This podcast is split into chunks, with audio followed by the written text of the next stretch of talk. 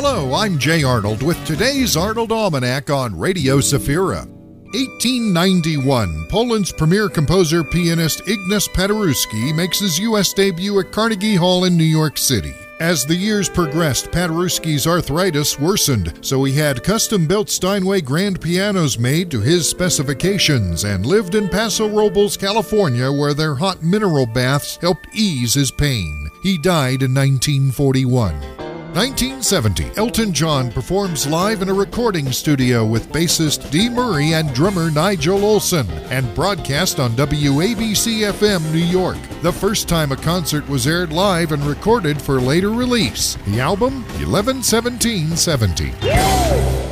2023. Today, 45 years after its release, Olivia Newton John's Totally Hot album is being reissued by MCA. It followed Olivia's performance as Sandy in the movie Grease and was her first top 10 selling album. It began her transition from country to pop and had three hit singles, including.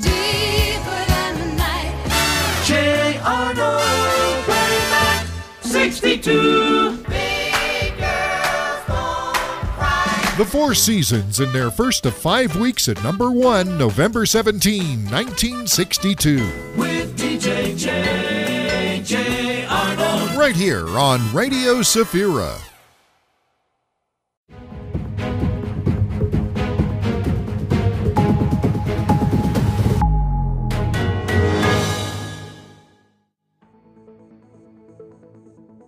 It's Friday, November 17th.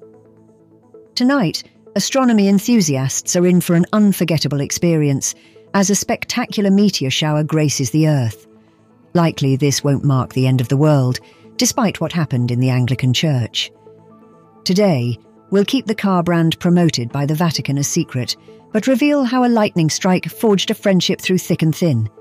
And if you're worried about a little extra weight, we'll tell you how to make a big deal out of nothing at the end of our broadcast. This is Friday's news from Radio Safira.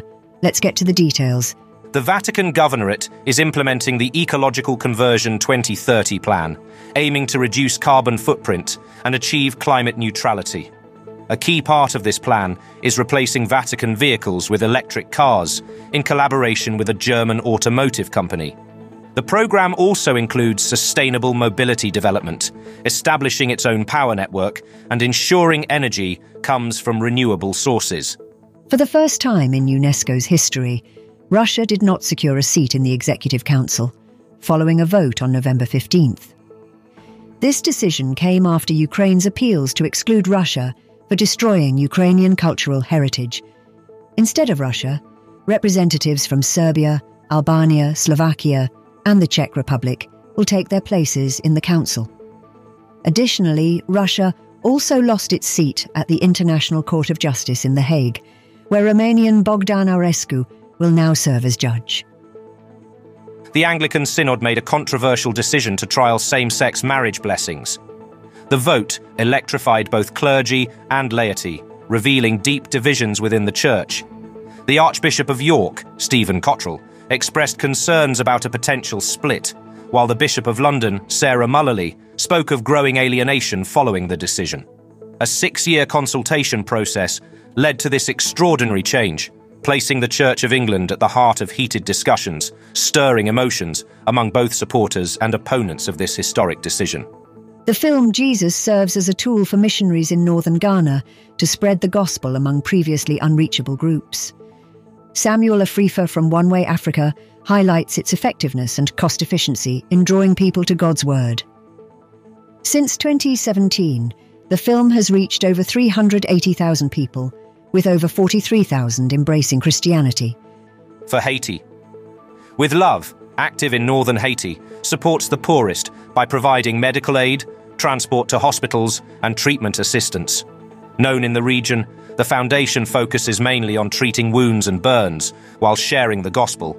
It sustains itself with support from faithful donors in the USA, praying for peace in Haiti and the ability to continue its work in the north of the country through further donations. In Baptist Press, Ryan Stevenson, a singer songwriter, shares his life story filled with challenges and hardships. His childhood experiences, like caring for his cancer stricken mother and facing school bullying, are reflected in his music. Initially planning a medical career, he instead became a teacher, then a paramedic. These experiences later shaped his songs and melodies. He gained popularity in Christian music, collaborating with Toby Mac. A key moment in his career was saving a woman struck by lightning, leading to a lifelong friendship. The peak of the Leonids, one of the fastest meteor showers, is observed from the 10th to the 23rd of November, with a maximum on the night of the 17th to the 18th. Expect about 15 meteors per hour. Originating from Comet 55 P Tempel Tuttle, the Leonids are known for their speed of about 70 kilometers per second. The best time to watch is early morning before sunrise, when the Leonid's radiant is in the east. The Taurids, less active but bright meteors, are also visible until November 25th, originating from the constellation Taurus. In autumn, we try on our warm clothes from the last season and often notice something's not quite right. Remember, it's natural for your body to change, and it's part of what makes you unique. A couple of extra kilograms don't define your worth. As the days get shorter, allow yourself to explore your spirituality and refresh your life's path. Accept changes in your energy with the seasons, and don't be too hard on yourself. Listen to your needs, whether it's for solitude or socializing. Take care of your mental health and seek support when needed. Remember, Every day brings new opportunities to be the best version of yourself. You're strong and deserve love and happiness. That's the news from Saphira Radio. We're glad you're with us. Have a great weekend. May God bless us all.